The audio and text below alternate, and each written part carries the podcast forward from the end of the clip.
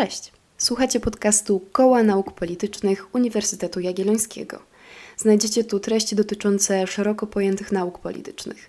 Wyjaśniamy dla Was bieżące wydarzenia polityczne, dzielimy się naszymi autorskimi analizami lub zapraszamy do rozmowy ekspertów i ekspertki.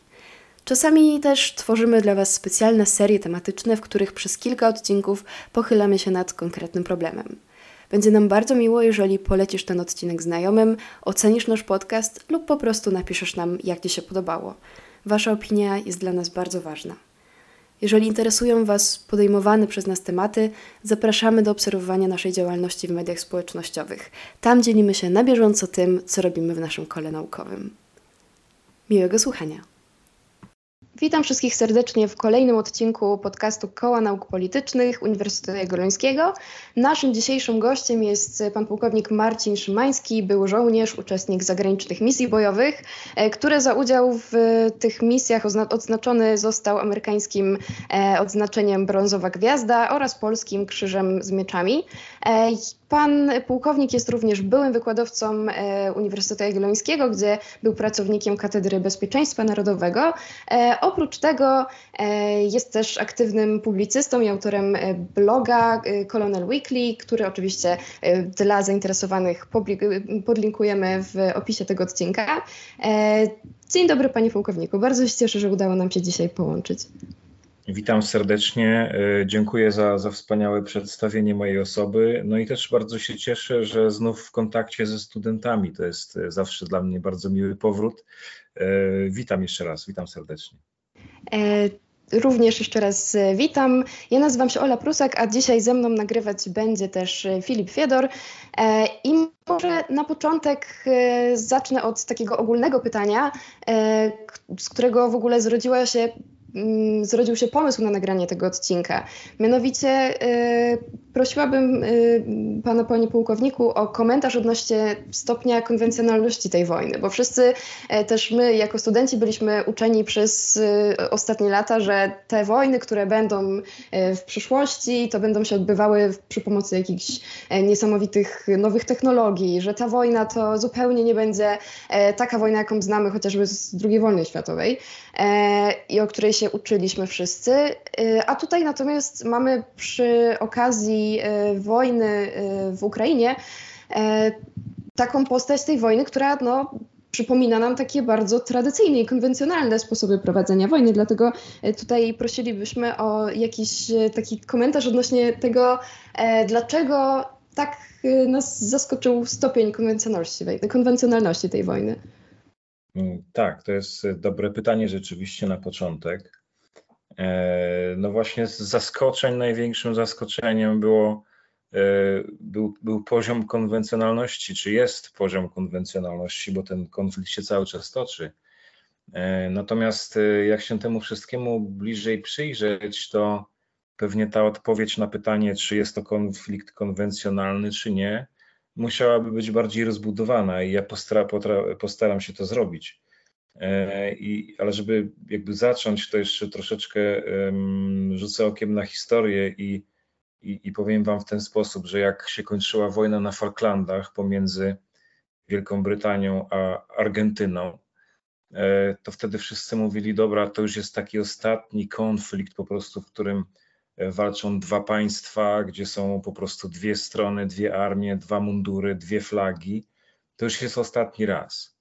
E, potem e, rozpoczęła się pustynna burza, e, gdzie ruszyły amerykańskie zgrupowania pancerne przez pustynię. I wtedy wszyscy mówili: Kurczę, to jest ostatnia szarża po prostu pancernej kawalerii. To już się nigdy nie powtórzy, to już jest zmierzch, to się, to się dzieje po raz ostatni.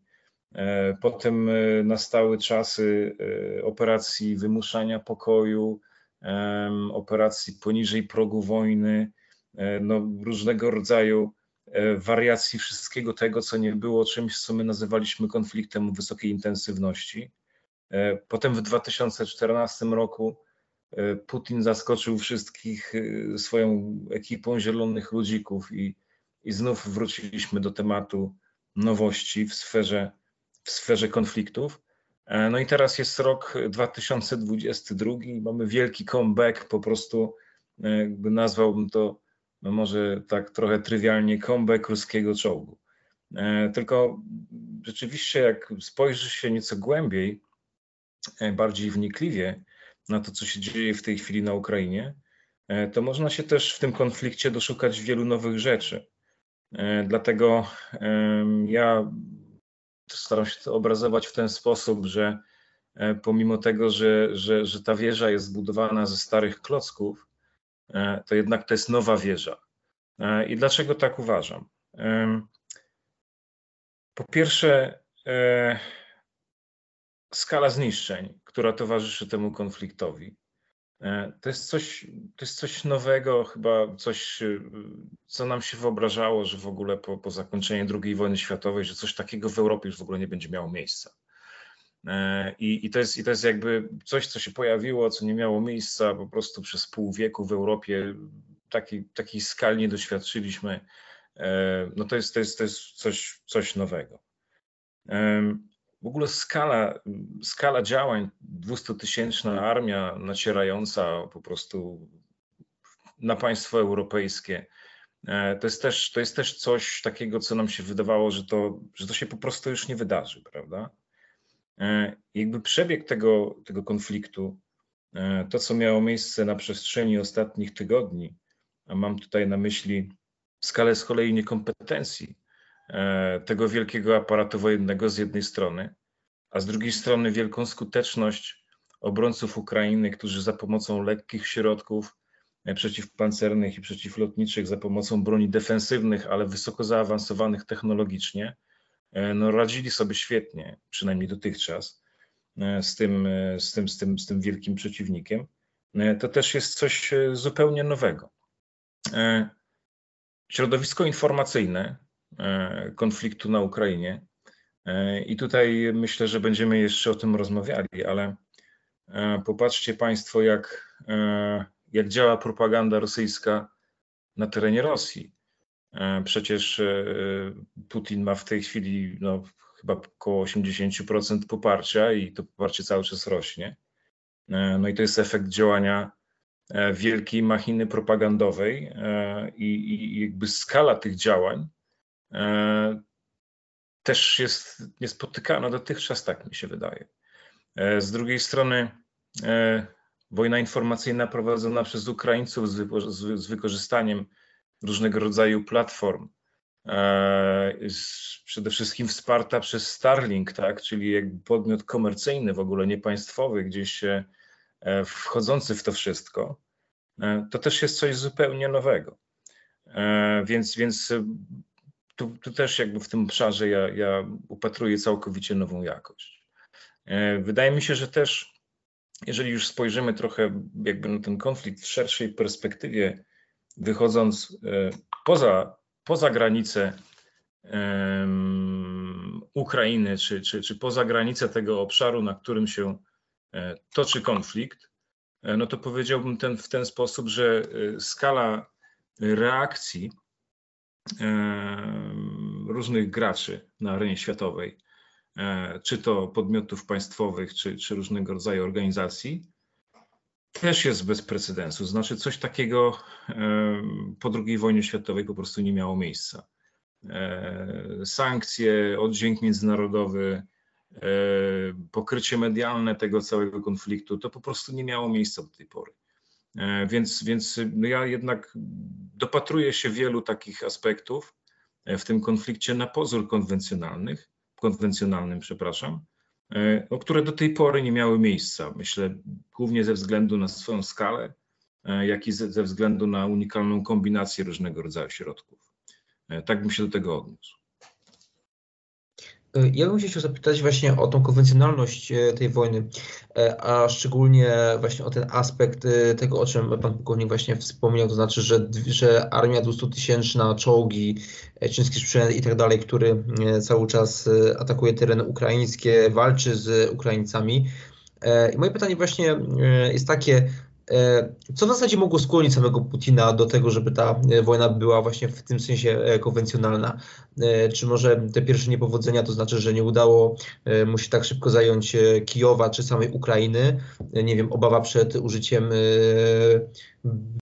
broni atomowej, Jaki był tak naprawdę główny zamysł samego prezydenta Federacji Rosyjskiej? Czy to było szybkie opanowanie Ukrainy, a w późniejszym, a jednak jeżeli to się nie udało, to gra na zwłokę i wyniszczenie samego państwa ukraińskiego? Jakbym to ocenił?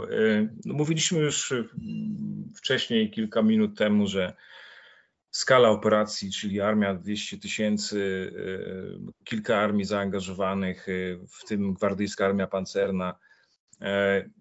Ja mam takie wrażenie, że, że Rosjanie w swoim podejściu do wojny wierzą w coś takiego, co ja bym nazwał przewagą totalną. Przewagą totalną, która jest instrumentem zastraszania.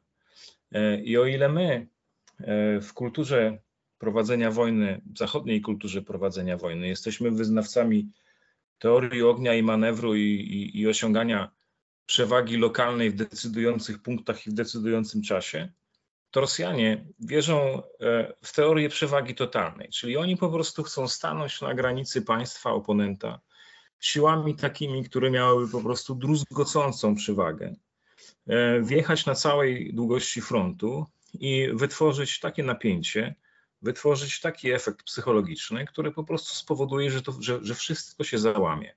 A przede wszystkim, że załamie się wola walki obrońców. I takie miałem właśnie wrażenie, obserwując początkową fazę tej operacji. Miałem takie wrażenie, że, że Rosjanie y, mieli plan taki, aby po prostu wykorzystać efekt zastraszenia. Im się wydawało, że, e, że ilość środków, e, które, które, które przejadą, czy to przez granicę białorusko-ukraińską, czy przez granicę rosyjsko-ukraińską, że ta ilość środków, ta masa e, spowoduje załamanie woli walki Ukraińców, że oni no, w ogóle nie będą chcieli w jakikolwiek sposób ingerować w ten, w ten postęp zagonów pancernych w głąb ich kraju. E, więc jakby tutaj, tutaj upatruję jakby podłoże tego całego planu. No, no, Putin wierzy w siłę. E, I, to, I ta jego wiara w siłę wydaje mi się, że, że została bezpośrednio przełożona na kształt, na strategię, e, czy może inaczej, na brak strategii w tym, co Rosjanie chcieli zrobić militarnie. To po prostu miał być pochód wielkiej armii, E, której rozmiar e, i, i, i, i siła miały być takie, przed, przed, przed którymi wszyscy mieli padać na kolana.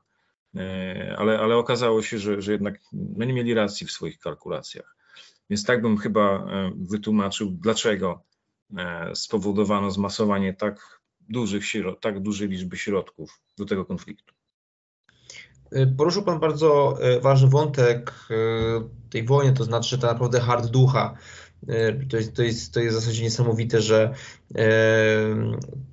e, że Ukraińcy są tak waleczni i, no i de facto od ponad 50 dni odpierają ataki e, Rosjan. To wymaga niezwykle wysokich morali. Jednak oprócz samej siły narodu, tak naprawdę, czy powstania ludowego, który możemy w jakimś sensie obserwować w Ukrainie, najważniejszy jest też sprzęt, sprzęt techniczny, E, który pozwala Ukraińcom walczyć o własne państwo oraz walczyć z najeźdźcą e, rosyjskim.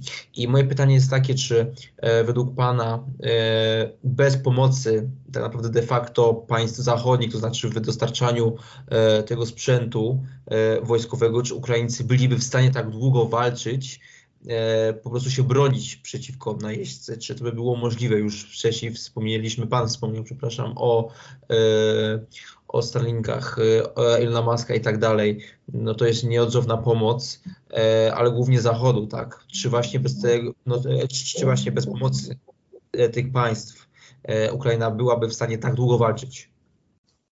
Wie pan, my bardzo często mówimy o tym sprzęcie zachodnim, który Ukraińcy wykorzystują, z, zresztą z wielkim powodzeniem.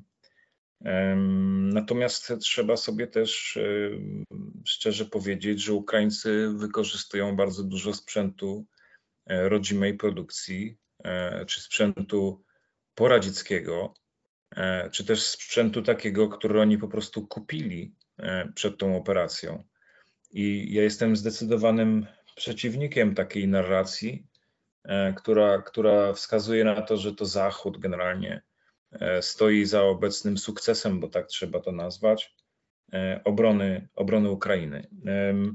Ukraińcy od 2015 roku bardzo mocno reformowali swoją armię. Trzeba mieć to na uwadze, że oni praktycznie od 2014-15 roku no, oni byli cały czas w stanie wojny. Ich, ich armia ewoluowała.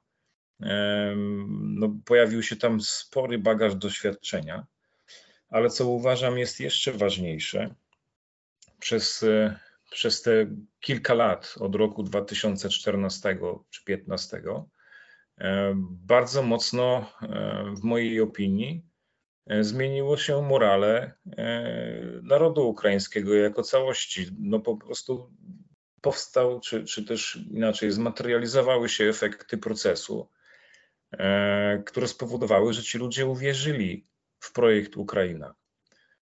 I cóż, no wszyscy już to wiemy, że Rosjanie nie docenili tego efektu i nie będę powtarzał jakby kolejny raz tej opinii, że, że no wydawało im się, że tam po prostu wjadą, a, a jednak nie wjechali. E, natomiast y, pytał Pan o to, czy, czy, czy sprzęt, czy morale. E, no ja muszę powiedzieć, że jestem człowiekiem, który głęboko wierzy w morale.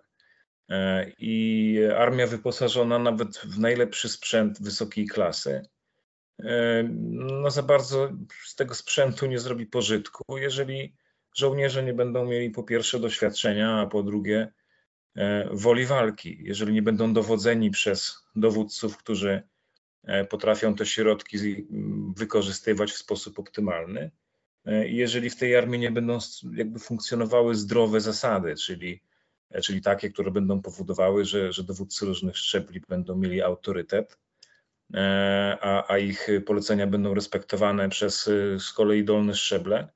E, no i zdrowych zasad, czyli takich, które również obejmują poziom dyscypliny wojskowej. Na poparcie tej tezy, którą, którą właśnie wygłosiłem, powiem tyle, że Rosjanie no, też dysponują nowoczesną technologią. Tego nie można im odmówić, bo i najnowsze modele czołgów, czy, czy T90, czy, czy ostatnie wersje modernizacyjne T80, e, czy, czy sprzęt lotniczy, który oni wykorzystują, to, to, są, to jest bardzo nowoczesne uzbrojenie, a pomimo tego oni po prostu nie, nie, nie radzą sobie z tym, e, z tym konfliktem.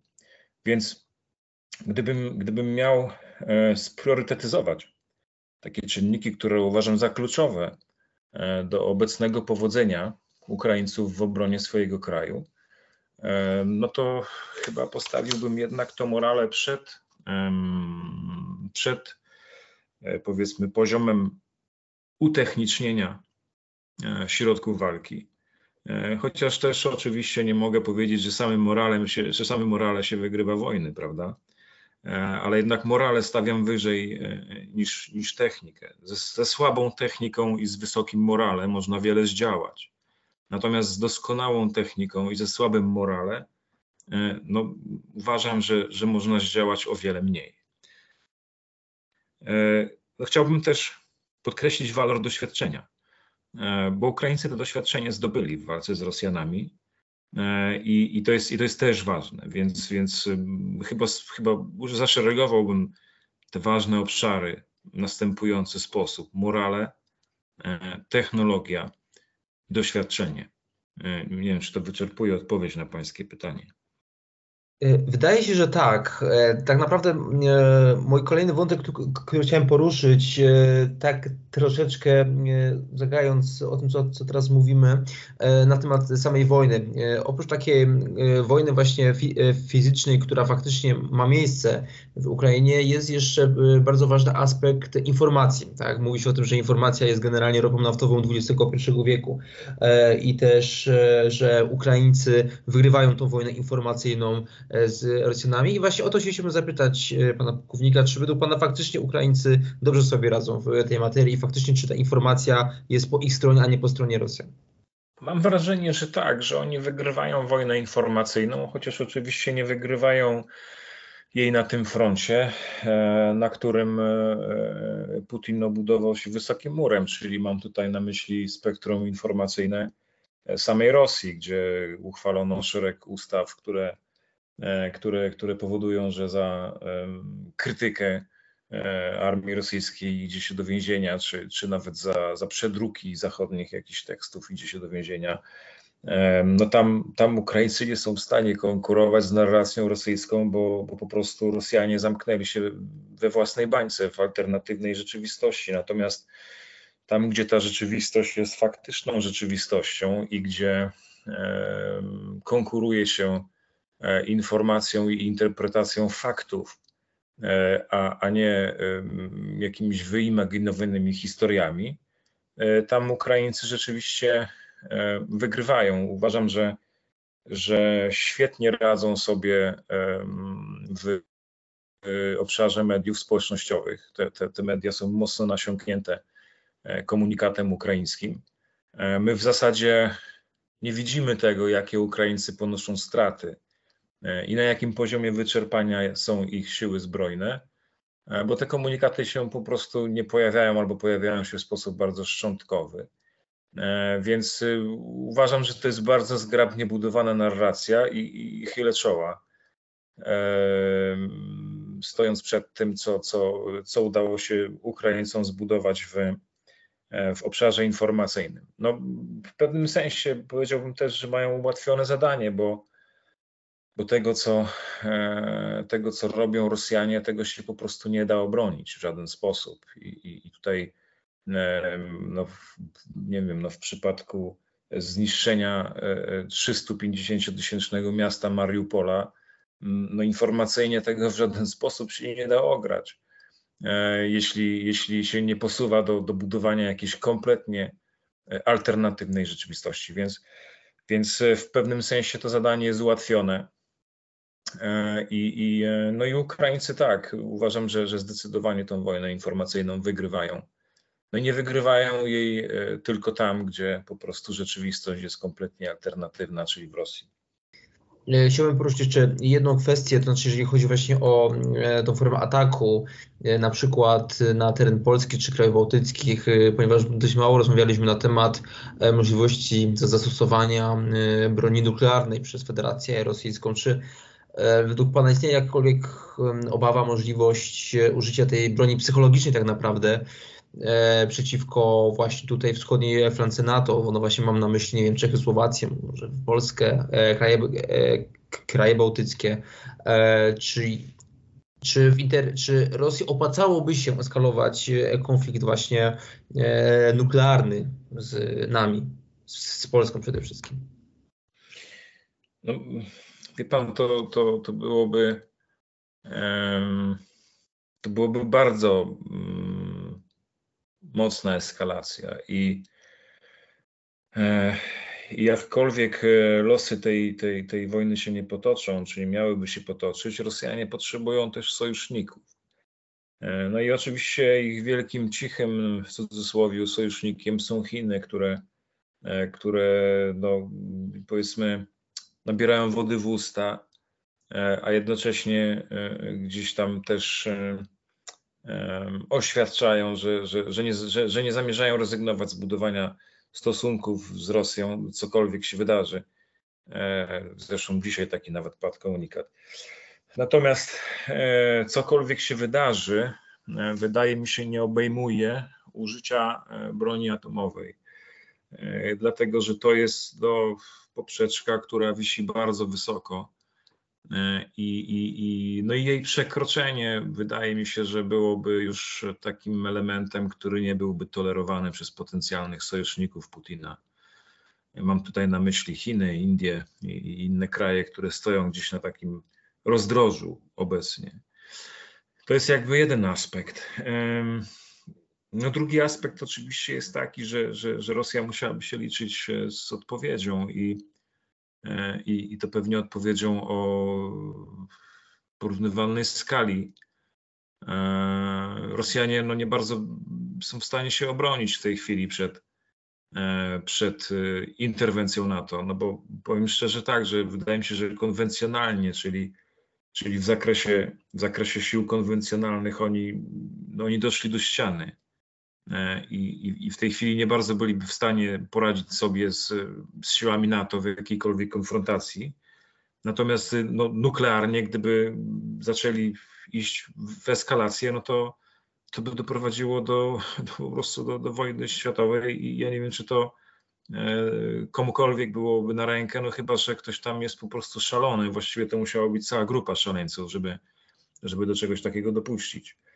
Natomiast e, z takiego racjonalnego punktu widzenia na to patrząc, e, no trzeba sobie zadać pytanie, czy, czy, czy fizycznie e, Rosjanie użycia swojej własnej broni atomowej przypadkiem by nie odczuli, no bo biorąc pod uwagę, że, że jakby warunki pogodowe i to, że wiatry na naszej półkuli są zazwyczaj zachodnie, czyli że wieją z zachodu na wschód, no to można sobie od razu odpowiedzieć na pytanie, że opady radioaktywne i, i skutki tego rodzaju uderzeń no byłyby też odczuwalne w Rosji, więc w pewnym sensie y, to byłby też i, i strzał w kolano nie tylko polityczny, ale też y, fizyczny, bo, bo no nie da się tej broni użyć bez, bez, że tak powiem, odczucia i skutków na własnej skórze, zwłaszcza gdy miałoby się jej użyć tak blisko własnych granic. E, to, to, to myślę, że to jest też istotny aspekt i chyba na tym nikomu nie zależy raczej.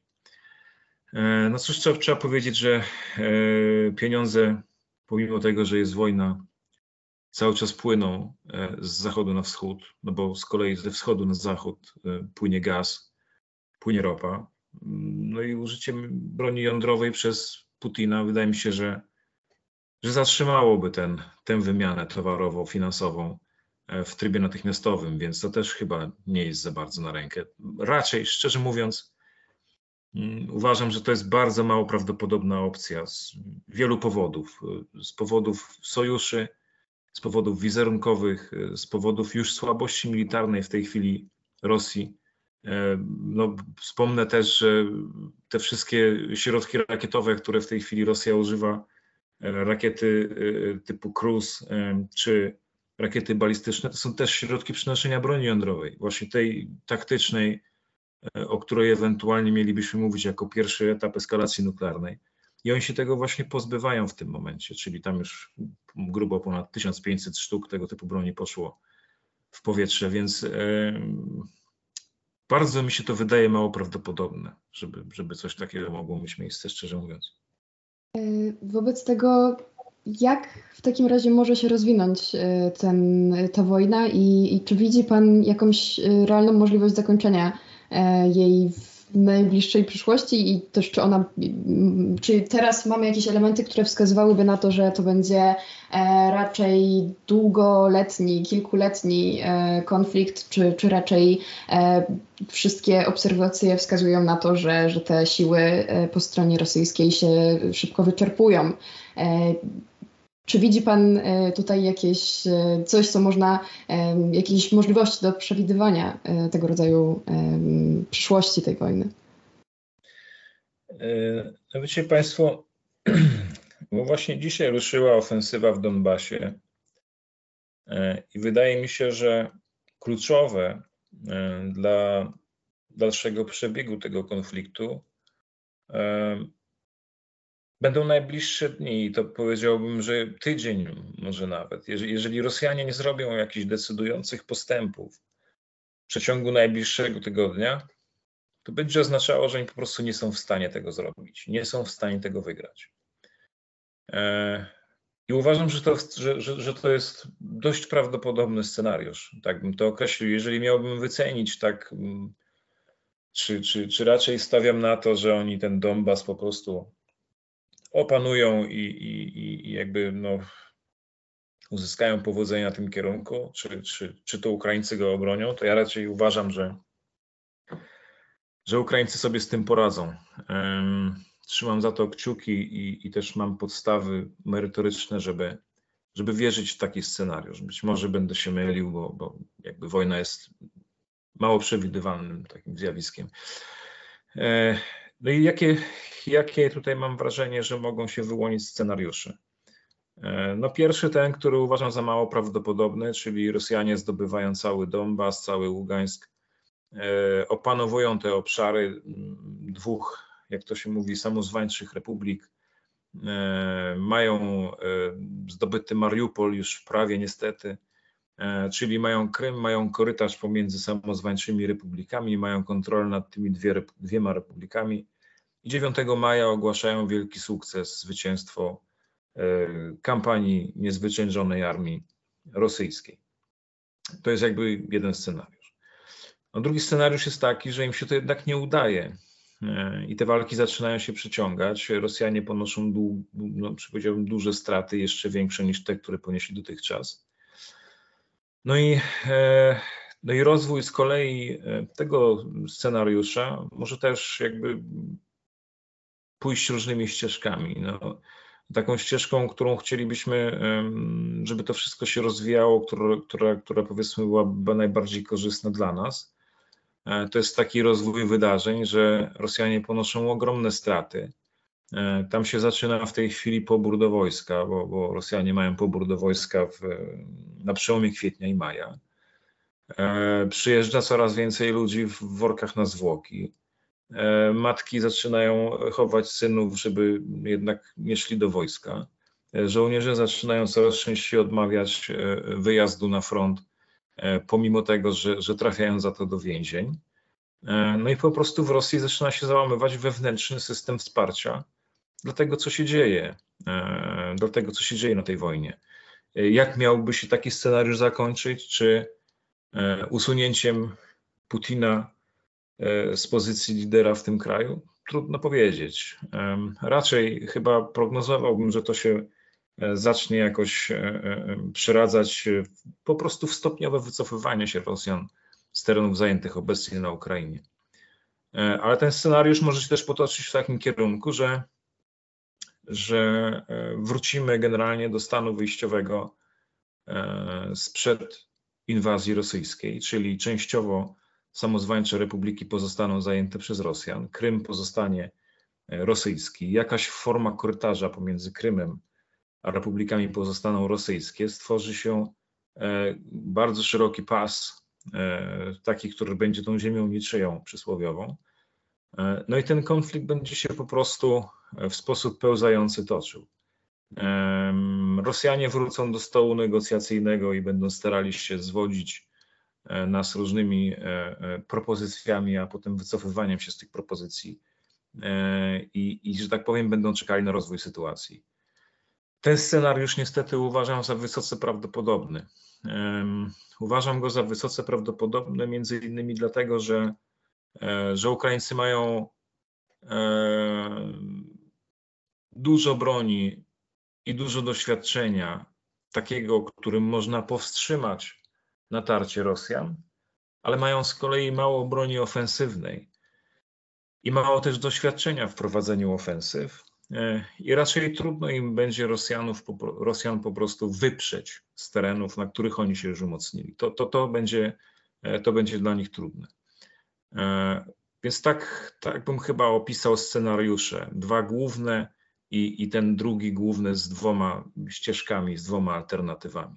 W takim razie bądźmy tutaj dobrej myśli, e, że to wszystko rozwinie się w jak najbardziej pokojowy, jak najmniej szkodliwy, szczególnie dla, dla ludności cywilnej e, sposób. E, I dziękujemy też za dzisiejszą rozmowę, za to, że poświęcił nam Pan dzisiaj czas. E, i podzielił się e, Pana e, refleksjami, a przede wszystkim tymi scenariuszami, bo wydaje mi się, że są niezwykle ciekawe i takie też korzystne, bardzo rozwijające dla osób, które będą nas słuchać, więc jeszcze raz bardzo dziękuję za przyjęcie naszego zaproszenia.